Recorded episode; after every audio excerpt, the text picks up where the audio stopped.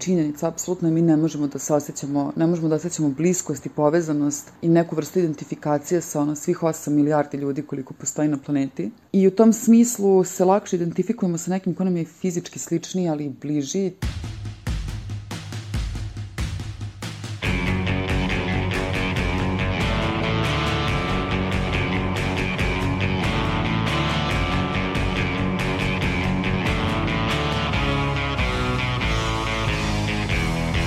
Drage slušateljke i slušaoci, zdravo.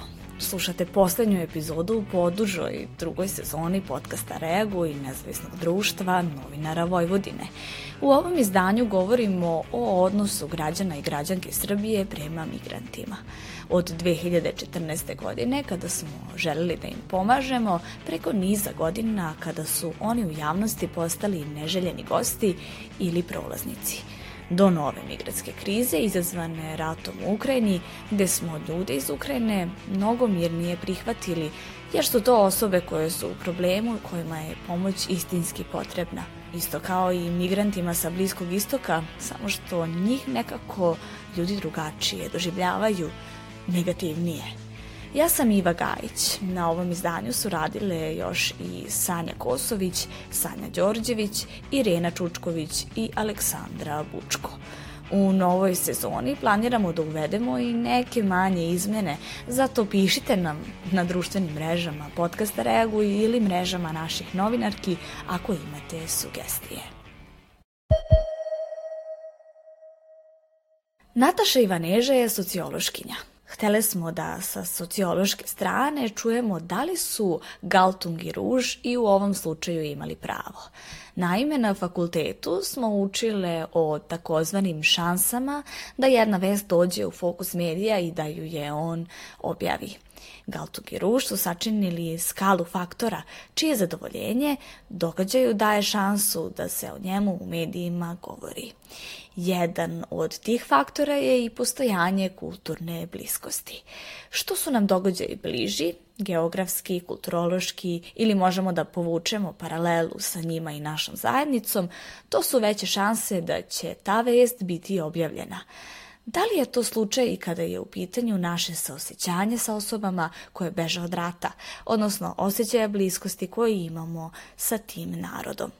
Činjenica, apsolutno mi ne možemo da se osjećamo, ne možemo da osjećamo bliskost i povezanost i neku vrstu identifikacije sa ono svih 8 milijardi ljudi koliko postoji na planeti. I u tom smislu se lakše identifikujemo sa nekim ko nam je fizički sličniji, ali i bliži. To je sad, naravno da je jasno zašto se mi osjećamo možda bliže i povezanije sa nekim iz Ukrajine, ali s druge strane postoji ta neka vrsta društvene uslovljenosti šta mi percipiramo kao bliskim iz prostog razloga kroz uh, političke govore, kroz javni diskurs i narative, kroz na kraju krajeva i pop kulturu se nama stvara slika onoga šta nam je blisko i šta nam je poznato.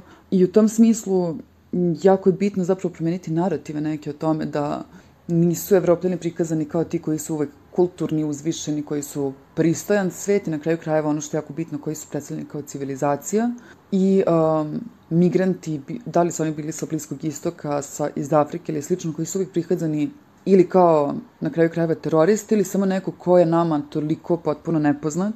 Um, mislim da do momentu kada se te neke stvari promene, da će zapravo krenuti promena ka tome da neke ljude percipiramo možda bliže nego što ih percipiramo sad. Sociološkinja Ivaneža objašnjava da kulturološka i geografska bliskost i tekako imaju veze, ali to ne bi trebalo da bude slučaj kada je u pitanju odnos države prema migrantima. Zato sam kontaktirala i Centar za migrante Infopark Srbije i pitala ih kakav je odnos države prema migrantima. Na to pitanje mi je odgovorio Gordan Paunović iz ovog centra. Mi verujemo da odnos prema migrantima nije samo to da im se da krevet i hrana u toku dana, da je pre svega i ono što je najbitnije je njihov slobodan pristup azilnoj proceduri bez ometanja, fair razmatranje njihovog azilnog zahteva i na kraju ako ti taj zahtev bude pozitivno rešen, njihova integracija. E sad, sama činjenica da je od usvajanja zakona o azilu, od čega je prošlo skoro neki 14 godina do danas, usvojeno samo neki stotinak azilnih zahteva, odnosno toliko azila je izdato, a da je od tih stotinak ljudi u Srbiji ostala da živi bukvalno šaka njih, znači zanemarivo mali broj, dovoljno govori o tome koliko je ta, ta politika pogrešna. Prosto rezultati demantuju bilo kakve državne navode o tome da je to jedan uređen sistem koji ostavlja dobre rezultate. Mi verujemo da u tom odnosu države prema migrantima treba jako puno toga da se promeni, a pre svega treba da se promeni ta nepisana doktrina koja zapravo određuje sve druge rezultate i sve druge rešenja kada je u pitanju ovaj odnos, a to je da migrante ne zanima Srbija, pa samim tim i državu Srbiju ne zanimaju migranti. Sociološkinja Nataša Ivaneža objašnjava da je čitav svet koji danas poznajemo suštinski nastao na migracijama. Migracije, odnosno kretanje ljudi, kako ona kaže, osnovna su ljudska i životna potreba. Ona takođe podsjeća da su građanke i građani Srbije, pa i sama država u prvom talasu 2014. godine bili spremni da pomognu migrantima. Kako se menjao odnos Evrope i sveta prema njima, tako se menjao i naš. Što se tiče dolazak migranata sa Bliskog istoka ili čak i iz Afrike, što se tiče samih početaka, bitno naglasiti da u Srbiji to nije zapravo bilo od uvek pitanje straha, zatvaranja, netrpeljivosti i mržnje, da smo mi mogli da vidimo 2014. ili 15. godine kada je to sve počelo u tom obimu u kom jeste, da su građani i građanke Srbije pa i sama država zapravo bili spremni da pomognu tim ljudima i negde vrlo smo bili svesni toga da oni uopšte ne žele da se zadržavaju kod nas, da oni idu dalje u Evropu, ali su tako svesni da su prošli jedan verovatno užasan i grozan put i imali smo neku vrstu empatije sa osjećanja sa njima. Međutim, onda se to kasnije zapravo trend uh, iz Evrope, ali i sveta, trend fabriko, fabrikovanja krize i jednostavno iskorišćavanja ljudi i jedna užasna situacija u političke svrhe prelio kod nas i mi vidimo zapravo tek od ono 2016. 17. kada već kriza i zapravo količina ljudi koji dolaze se smanjuje, osjećaj krize se povećava iz prostog razloga što se cijela situacija sada koristi u neke druge svrhe. Um, u Evropi taj trend je postao od početka i zapravo ti ljudi su iskorišćeni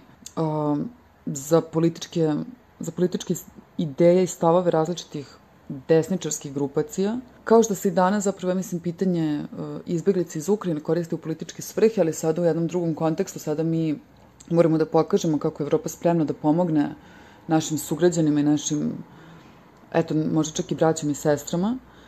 Tako da u tom smislu um, mislim da je taj um, osjećaj stav koji imamo prema izbeglicama pre svega posledica političkih stavova država i političkih aktera, um, da su oni ti koji oblikuju zapravo naš, našu ideju o tome, jer ako se država otvori, ako država kaže ovo je okej, okay, mi verujemo ovim ljudima, mislim da to ozbiljan znak i građanima da mogu da, um, da mogu da se opuste, da mogu da prihvate tako nešto. Ona dodaje da je sve što danas poznajemo nastalo upravo iz kretanja i sudara kultura, odnosno iz razmene iskustava.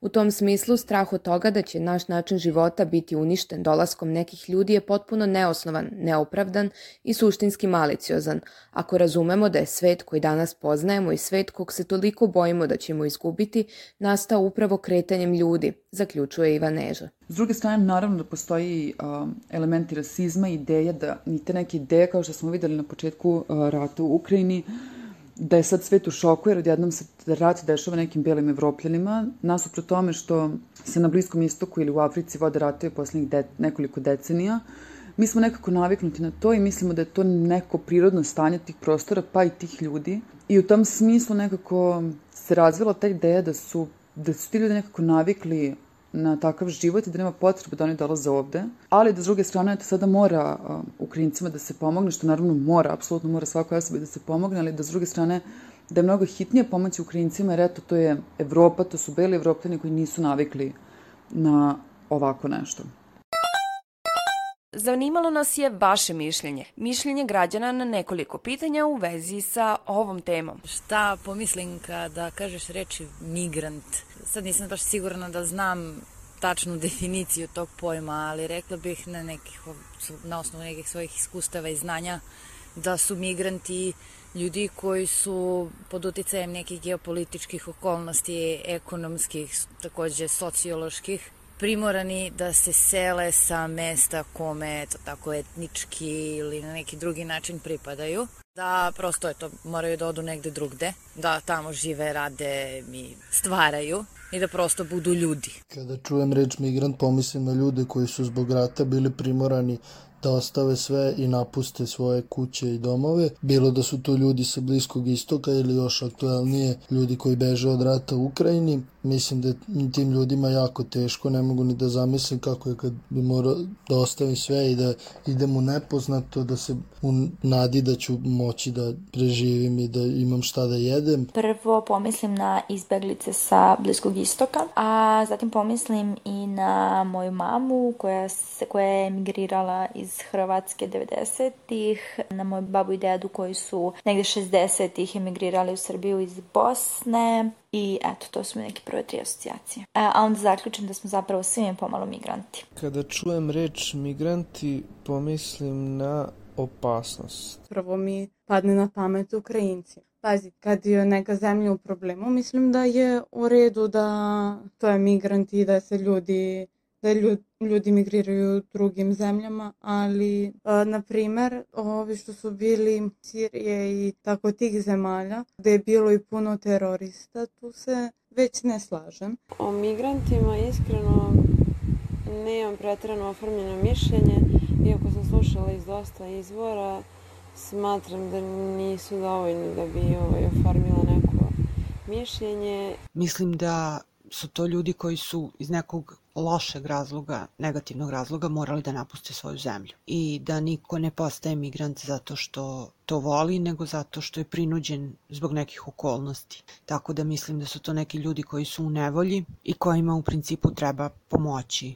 treba ih nekako prihvatiti. Ne samo da o ovoj temi pričamo sa sociolozima ili centrima za pomoć migranata, već smo htele da prenesemo i priču nekoga koji ima drugačije iskustvo u radu sa migrantima. Zato sam kontaktirala Dušanku Đurović, taksistkinju u Subotici u samom startu kada sam ja počela da radim nisam radila, da kažem, sa migrantima jer sam bila u nekom udruženju koje išla sam po pozivima, a njihova politika je da ne voze migrante. S druge strane, s obzirom da smo mi javni prevoz i po, postoji nekakav zakon o svemu, pa i o javnom prevozu, on jasno kaže da mi imamo obavezu da vozimo sve putnike. S druge strane, mi smo službena lica, tako da ne možemo da kontrolišemo koga vozimo. Znači, nemamo pravo da tražimo uvid u bilo kakvu dokumentaciju po zakonu. Da tražimo, na primjer, pasoše, lične karte ili šta god tome slično. Tako da za nas je svaki putnik koji dođe do auta i hoće da se vozi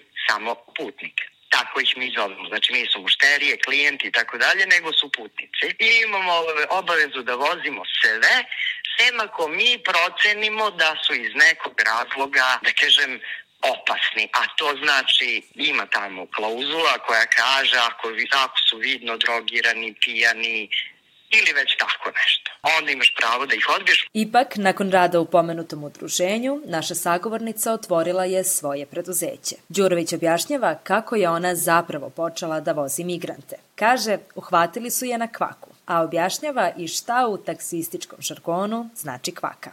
A u suštini oni mene jesu zaustavili na ulici, mi to inače u našem taksističkom žargonu zovemo kvaka. Znači kada te na ulici neko podigne ruku pa te zaustavi, nije po pozivu, onda se to zove kvaka i oni su mene tako zaustavili na taj način, ja sam ih vozila, e sad kamp je u Subotici, u kampu ima ljudi, u kampu se ljudi smenjuju i malo po malo oni su počeli da me zovu. Šta to znači? To su momci koji su tu dugo, koji ostaju dugo. Naravno da umeđu vremenu mnogo mnogo od njih da su stigli neki novi. E, drugo, im, imam i vizit karte, pa je to naravno neko i uzeo i ostavio i ovde i onde, tako da su oni u principu na taj način došli do mene. Znači, nekakve, da kažemo, preporuke između njih. S obzirom na to da u ovom izdanju želimo da vidimo i odnos prema migrantima uopšteno, ali i da li postoji razlika između odnosa prema migrantima sa Bliskog istoka i onima koji su nam kulturološki bliži, pitala sam Dušanku Đurović da li ima iskustva sa novim novim talasom migranata,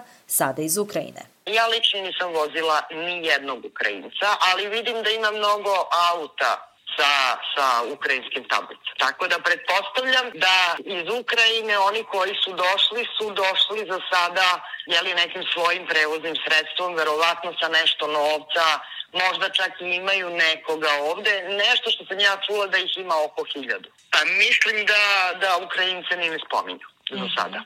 Za sada dok ne bude, dok ne bude, ako uopšte bude, mada mislim da Ukrajinci idu nekim drugim putevima, mislim da nisu ni svesni ukrajinskih izbeglica trenutno, bar u Subotici. Mislim da nemaju, još uvek nemaju nikakav stav, znači ono, žao, ih je, žao im je ljudi iz Ukrajine, jeli, pošto se dešava što se dešava, ali još uvek nemaju kontakt s njima i mislim da, da ih nisu svesni. Mislim, bukvalno to mislim. Tako da nema komentara o njima, jer nema. Jednostavno, to je trenutno neka tema koja nije, nije interesantna ovde jer se ništa ne dešava. Iz Centra za migrante Infopark Srbija Gordon Paunović objašnjava da su migranti iz Ukrajine takozvane poželjne izbeglice. Tome doprinosi i činjenica da iz Ukrajine uglavnom odlaze samo žene i deca, ne i muškarci koji zapravo moraju da ostanu u Ukrajini i bore se. Smatram da je od strane ovog dela stanovništva koji je i do sada bio radikalizovan u smislu odnosa javnog mnjenja kome pripadaju prema izbeglicama iz Afganistana, Sirije i tako dalje, da se tu stvari, stvari neće popravljati zato što će se uvek sada predstavljati izbeglice iz Ukrajine kao uslovno rečeno poželjan vid izbeglica, zato što eto tu imate jedan veliki ratni sukob, imate veliko uništavanje, devastaciju gradova, sela, kuća, zgrada i tako dalje, da ljudi beže pod bombama, da ne beže samo vojno sposobni muškarci, odnosno da oni i ne, ne mogu da beže zato što su angažovani u odbrani svoje zemlje, da su to uglavnom žene sa decom ili pak porodice sa starim ljudima koji nisu vojno angažovani. Eto, to se onda sada navodi kao primer kako treba da izgleda poželjena izbeglica, S tim što ja tu moram zaista da dodam svoj lični utisak da, da, da nisu samo ove osobine, taj neki spektar koji je dobrodošao, nego i čini se da su oni hrišćani, da su oni bele boje kože, da su oni integrabilni u zapadno društvo nekako mnogo brže nego barem je to taj mit sa kojim se pristupa, nego što je to slučaj sa, ne znam, Afganistancima ili, ili nekim drugim uh, narodima Bliskog i daljeg istoka. Govorimo sve vreme o migrantima i drugačijem doživljavanju migranata iz Evrope i sa Bliskog istoka. A šta vi kažete? Da li građani i građanke isto doživljavaju te razlike ili je to samo u javnom govoru, uglavnom u medijima?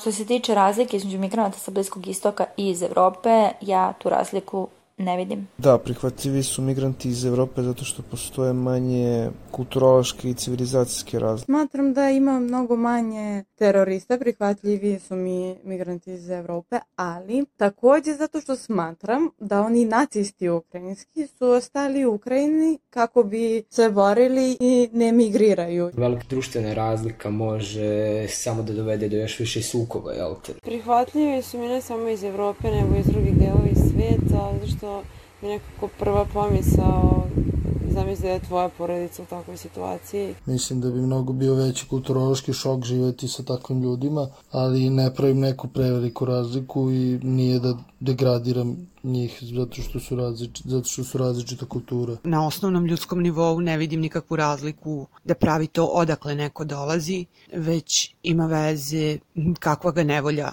na to prisiljava i u tom smislu svako ko je u nevolji trebalo bi mu pomoći. Dušanka Đurović ima veliko i direktno iskustvo sa migrantima sa Bliskog istoka. Zato sam je pitala kakav je stav lokalnog stanovništva prema njima, jer često na socijalnim mrežama možemo videti veoma negativne komentare. Čak sam i ja lično doživela negativnu situaciju u autobusu ka Subotici, kada je jedna devojka rekla da će ona pre da stoji kod pod navodnicima naših, nego da sedne kod migranata. Pre nego što Dušanka Đurović odgovori na to kakav je stav lokalaca prema migrantima, moram da napomenem da je kamp u Subotici kamp za samce. Tu ne mogu biti žene i deca i zato ona često izgovara reč momci kada priča o migrantima. Ipak, ona i sama kaže da definitivno ima žena i dece migranata u Subotici, čak iako je tamo kamp za samce. Uglavnom naši građani je li tako revoltirani kako je, kakvi jesu. Neki možda osnovano, mnogi rekla bih neosnovano, iz nekih poriva koji su da li naučeni, da li, da li iz prostog neobrazovanja, ne znajući kako izgleda druga kultura, a znamo da se svi bojimo nečeg što nam je nepoznato, imaju veliki strah. Da li iz rasizma, da li, mislim, ne znam, ne znam koji su porivi, ali, ali taj strah i svaki dan ga određene grupe namerno, rekla bih, podkrepljaju i podhranjuju, nažalost. A, ove, a ne bih da ulazim, jeli, da. šta i kako, međutim, taj strah postoji i često se koristi taj deo priče kako su oni svi mladi, kako su oni svi ratnici, vojnici ili već šta god, jer gde su im žene i deca? Znači, žene i deca su tu negde ili su tamo negde i čekaju da dođu. U tom mom iskustvu dolaska u Suboticu koji sam malo prepomenula, a i napisala tekst o tome za portal Autonomija, na kraju sam prišla migrantima i pitala ih da li je sve u redu i kako se policija odnosila prema njima. Oni su rekli da je sve u redu. Tako priča i Đurović. Kaže da oni nemaju običaj da pričaju bilo šta loše. Neverovatno je koliko ti ljudi u toj svojoj situaciji koja iz mog ugla Znači, ogradit ću se. Ja pričam ono što ja mislim, ono što ja vidim. Iz mog ugla su u strašno teškoj situaciji. Znači, posebno ti momci i devojke i deca i žene koji su izašli iz ratom zahvaćenih područja. Uglavnom oni odlaze zato što ne žele da idu u rat. I onda idu od nemila do nedraga, od države do države, što peške, što ne peške, već kako ko. Nekome je neko poginuo, neko je ostavio porodicu, neko je ostavio ženu i decu, neko je ostavio majku, sestre, braću. Znači, ljudi koji su bili sa mnom u kontaktu su uglavnom staloženi, mirni, uglavnom govore da je srpski, srpski narod dobar, da je Srbija dobra, da je policija u Srbiji ok i tako, to, to su njihovi komentari. Znači oni ne, ne jednostavno ne žele mnogo da, ni da ulaze dublje u bilo šta, ali ako ti nešto kažu, oni ti kažu da je sve u redu. Međutim, kako je stvarno? Ono što ja vidim na terenu, mm, mislim, je ružno. Je ružno. I meni kao nekome ko, ko je stanovnik ove države i ko je Srpkinja. I ostao je ovde bez obzira na sve ovo što se dešavalo zadnjih 30 godina na ovom terenu. Mene više pogađa kako se naš narod ponaša, jer sam ja uvek imala viziju da smo mi onako širokogrudi, otvorenog uma, obrazovani, da smo spremni da pomognemo. Ali da smo narod koji je doživao što jeste u našim previranjima, gde smo mi lično imali mnogo naših izbeglica ovde i onde, znači u suštini znamo šta znači ići tim putem. Posebno ovde u Subotici gde ima mnogo mađarskog življa i kada je počeo onaj rat tad, nekad davno, masa mladih ljudi je otišla iz Subotice uglavnom u Mađarsku. I potpuno je u redu. Ja prva bih sklonila svoju decu, tada sam imala malu decu. A sada iste te majke koje su pre 20 i kusor 30 godina sklanjale svoju decu, da se ne bi nešto desilo, sada iste te mlade ljude koje su njihove majke sklonile iz njihovih država, nazivaju koje kako i boje ih se i, i ne smeju navodno sad da puštaju, ne znam, decu napolje, ne smeju da prošetaju jer kad ih vide neprijatno im je i tako. Da, ne znam, mislim, vrlo sam ogorčena. Eto, da. iskreno. Ne ogorčena, razočarana. To je pravi izraz. Morala sam da pitam Dušanku Đurović još jedno pitanje. Kakvo je njeno iskustvo sa migrantima? Moje iskustvo je da ni jedan od njih nije ušao u auto da me prvo nije pitao dobar dan, izvinite, da li može. I svaki je platio i kada je izašao je rekao hvala lepo, doviđenja. Da li ja imam lepo mišljenje o njima? Pa ja imam, zato što je moje iskustvo takvo. Drugo, ja sam prijatno iznenađena da, bez obzira što znam da, na primjer, ta Sirija je bila stvarno država i bogata i razvijena i kulturna i kulturološki i, i u svim drugim aspektima. Ja se opet svejedno iznenadim kada ti mladi ljudi dođu i pričaju po dva, tri jezika. A velika većina njih priča engleski, turski, ok, arapski naravno i Poneki od njih čak pričaju i srpski, i mađarski, i, i ne znam, francuski. Znači, budem prijatno iznenađena, velika većina naš, našeg naroda to nema. Znači, nema tu želju i potrebu ni za učenjem, mm. ni, za, ni za mnogo čime. Ne, ne znam, eto tako, to je, to je da. moj stav. Sa Gordanom Paunovićem iz Infoparka Srbije razgovarala sam i o tome šta bi Srbija dobila ako bi migranti ostali. On objašnjava da bi na taj način Srbija sa vrlo malo napora dobila obučenu radnu snagu. Ljude koji bi mogli da popune određene rupe na tržištu rada, koje će samo rasti, zato što postoji sve veća potreba za radnom snagom koja napušta Srbiju. A šta misle građani? Da li Srbija treba da prihvati migrante? nisam ni za to da ih prihvata, niti da ih ne prihvata. Ako sada već govorimo o nekom opšte ljudskom planu, onda sam svakako za to da Srbija kao zemlja treba da bude na strani ugnjetenih, potlačenih, poniženih i da u svakoj situaciji pomaže ljudima kakvi god da su. Bilo kakve migranske krize su rezultat sukoba velikih sila i ja mislim da oni koji su izazvali te krize trebali bi same da ih rešavaju. Naravno i mi bi trebali da pripomognemo, ali ne bi trebali da se baš guramo da budemo prvi u redu. Mislim da je potpuno absurdno uopšte i razmišljati o tome da li ih neka država prihvata. Mislim da je nekako civilizacijska dužnost da na tu krizu koja je globalna odgovorimo svi onoliko koliko je u našoj moći. Nemam ništa protiv toga da migranti prolaze kroz Srbiju, nemam ništa protiv toga ni da se ukoliko žele, a najčešće to ne žele, da se i zadrže u Srbiji. Naravno da nisam za to da ih Srbija prihvata. Meni niko nije uspio da odgovori na pitanje zašto je 99% tih migranata čine dakle grupa mladića u najboljim godinama za vojne intervencije. Možda, ali smatram da opet to treba privremeno da traje, ne da dobijaju državljanstva i da ostaju u tim zemljama drugim, da budu mnogo jače kontrole, gde bi se utvrdilo da li zaista postoje eto, na primjer, teroristi među njima i, i slično. Ne znam iskreno da li, da li Srbija treba da ih prihvata, zato što imam puno razloga i za i protiv. Ako smo u mogućnosti da im obezbedimo neke uslove života bolje nego što su bili tamo odakle su došli, onda mislim da treba da ih prihvatimo. Međutim, Paunović iz Infoparka Srbija kratko ističe jednu veliku sličnost migranata sa Bliskog istoka i onih iz Ukrajine. Postoji ta frapantna sličnost između izbjeglica sa, sa Bliskog istoka i izbjeglica iz Ukrajine, to što redko ko vidi Srbiju kao zemlju finalne, finalne destinacije, svi misle da će im biti bolje u Nemačkoj. Dušanka Đurović, taksistkinji iz Subotice, deli sa nama njeno mišljenje, ali i iskustvo. Po njenim rečima, mada lokalno stanovništvo gaji strah od njihovog navodnog naseljavanja, većina izbeglica sa Bliskog istoka nema nameru da ostane ovde.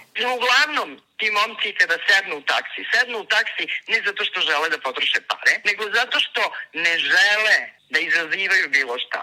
Ne žele da ih bilo ko vidi. Oni idu svojim nekim putem tamo negde i najrađe do tačke A do tačke B da ih niko ništa ne pita, da ih samo pusti da idu svojim putem. Niko od njih ne želi da ostane u Srbiji, svi oni hoće negde tamo u Evropu, jer Evropa kada već jednom stignu, a kad kažem tamo negde u Evropu, mislim na te zemlje koje su razvijenije, kada tamo negde stignu, onda stvarno i dobiju nekakvu pomoć.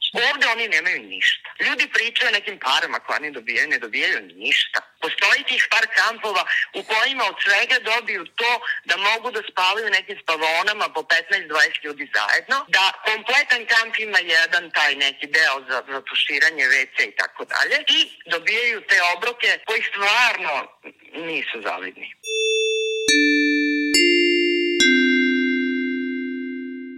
Kada je u pitanju rešenje za problem nejednakog tretmana, koji je zapravo evidentan i kada su u pitanju odnos građana i građanki iz Srbije, ali i država članica Evropske unije, sociološkinja Nataša Ivaneža kaže da je to ogromno pitanje i naravno veoma komplikovano, ali bitno je. Što se tiče rešenja za problem nejednakog tretmana, to je naravno ogromno pitanje i naravno da je komplikovano, ali ono što je jako bitno je mi smo sada na primjeru izbeglica iz Ukrajine videli da Evropa pre svega ima pravne mehanizme i zakone koji mogu da se primene a, na izbeglice, koji se prethodnih nekoliko godina apsolutno nisu primenjivali ili su se kršili, jer mi sada odjednom vidimo da su, da je vrlo lako prihvatiti izbeglice, dati im azil, pa čak i državljanstva, a, dati im boravak u određenim državama, što je poslednjih nekoliko godina pa i decenija predstavljalo jedan od najvećih problema i najvećih patnje za ljude koji su dolazili van Evrope. Um, u tom smislu, pre svega, mislim da je jako bitno da se ti zakoni sada primenjuju na sve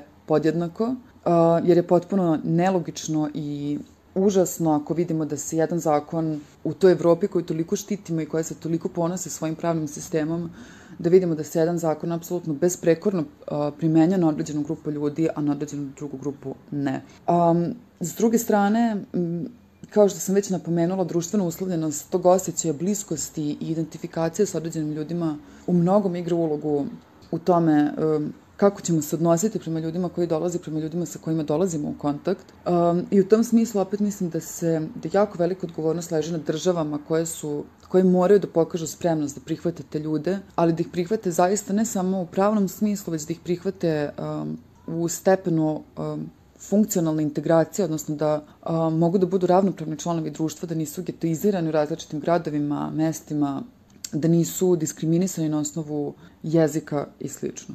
Gordan Paunović iz Infoparka Srbija kaže da je suština zapravo promena odnosa države prema migrantima. Slično smo čuli i na početku od sociološkinje Ivaneže. Ljudi su na početku talasa migrantske krize 2014. godine bili mnogo naklonjeniji migrantima, dok države, a sa time i Srbija, nisu počele da menjaju stav. Zato poslušajmo Paunovića. Suštinski je najbitnije da država promeni taj svoj odnos, da poradi na tome da zemlja Srbija postane zemlja finalne destinacije za neke, neke migrante i da sa tim odnosom koji uključuje u sebi integraciju migranata u sve moguće aktivnosti u društvu koja bi trebala da bude jednaka kao i ono što svi mi ovde imamo, koliko god da je dobro ili loše. Mislim da je to početna tačka koja, će, koja bi posle nekog vremena dovela do promene tog narativa koji je dosta glasan. Stav države važan je kako bi se i građani i građanke osjećali sigurno, ali ima nečega i u tome što je nagovestila Dušanka Đurović, taksistkinja iz Subotice, a to je da na stav građana i građanki uveliko utiče i to u kakvoj su oni sami situaciji, odnosno da li su zadovoljni ili ne. I još jedna važna informacija iz ove epizode – Činjenica je da ne možemo da osjećamo bliskost i povezanost i neku vrstu identifikacije sa svih 8 milijardi ljudi koliko nas je na planeti.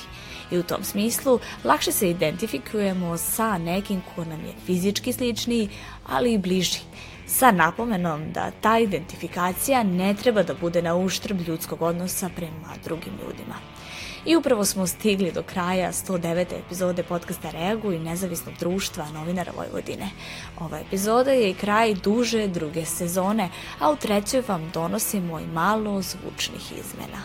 Ja sam Iva Gajić, a na ovoj epizodi radile su i Irena Čučković, Sanja Đorđević, Sanja Kosović i Aleksandra Bučko.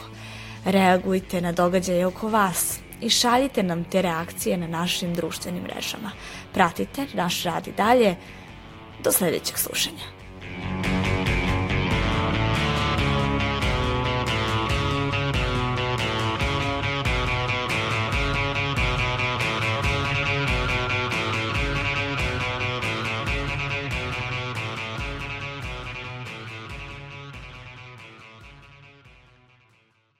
Ovaj podcast je nastao uz finansijsku podršku Evropske unije. Sadržaj ove epizode isključiva je odgovornost podcasta Reaguj i ne odražava nužno stavove Evropske unije kao ni mreže za izveštavanje o različitosti 2.0.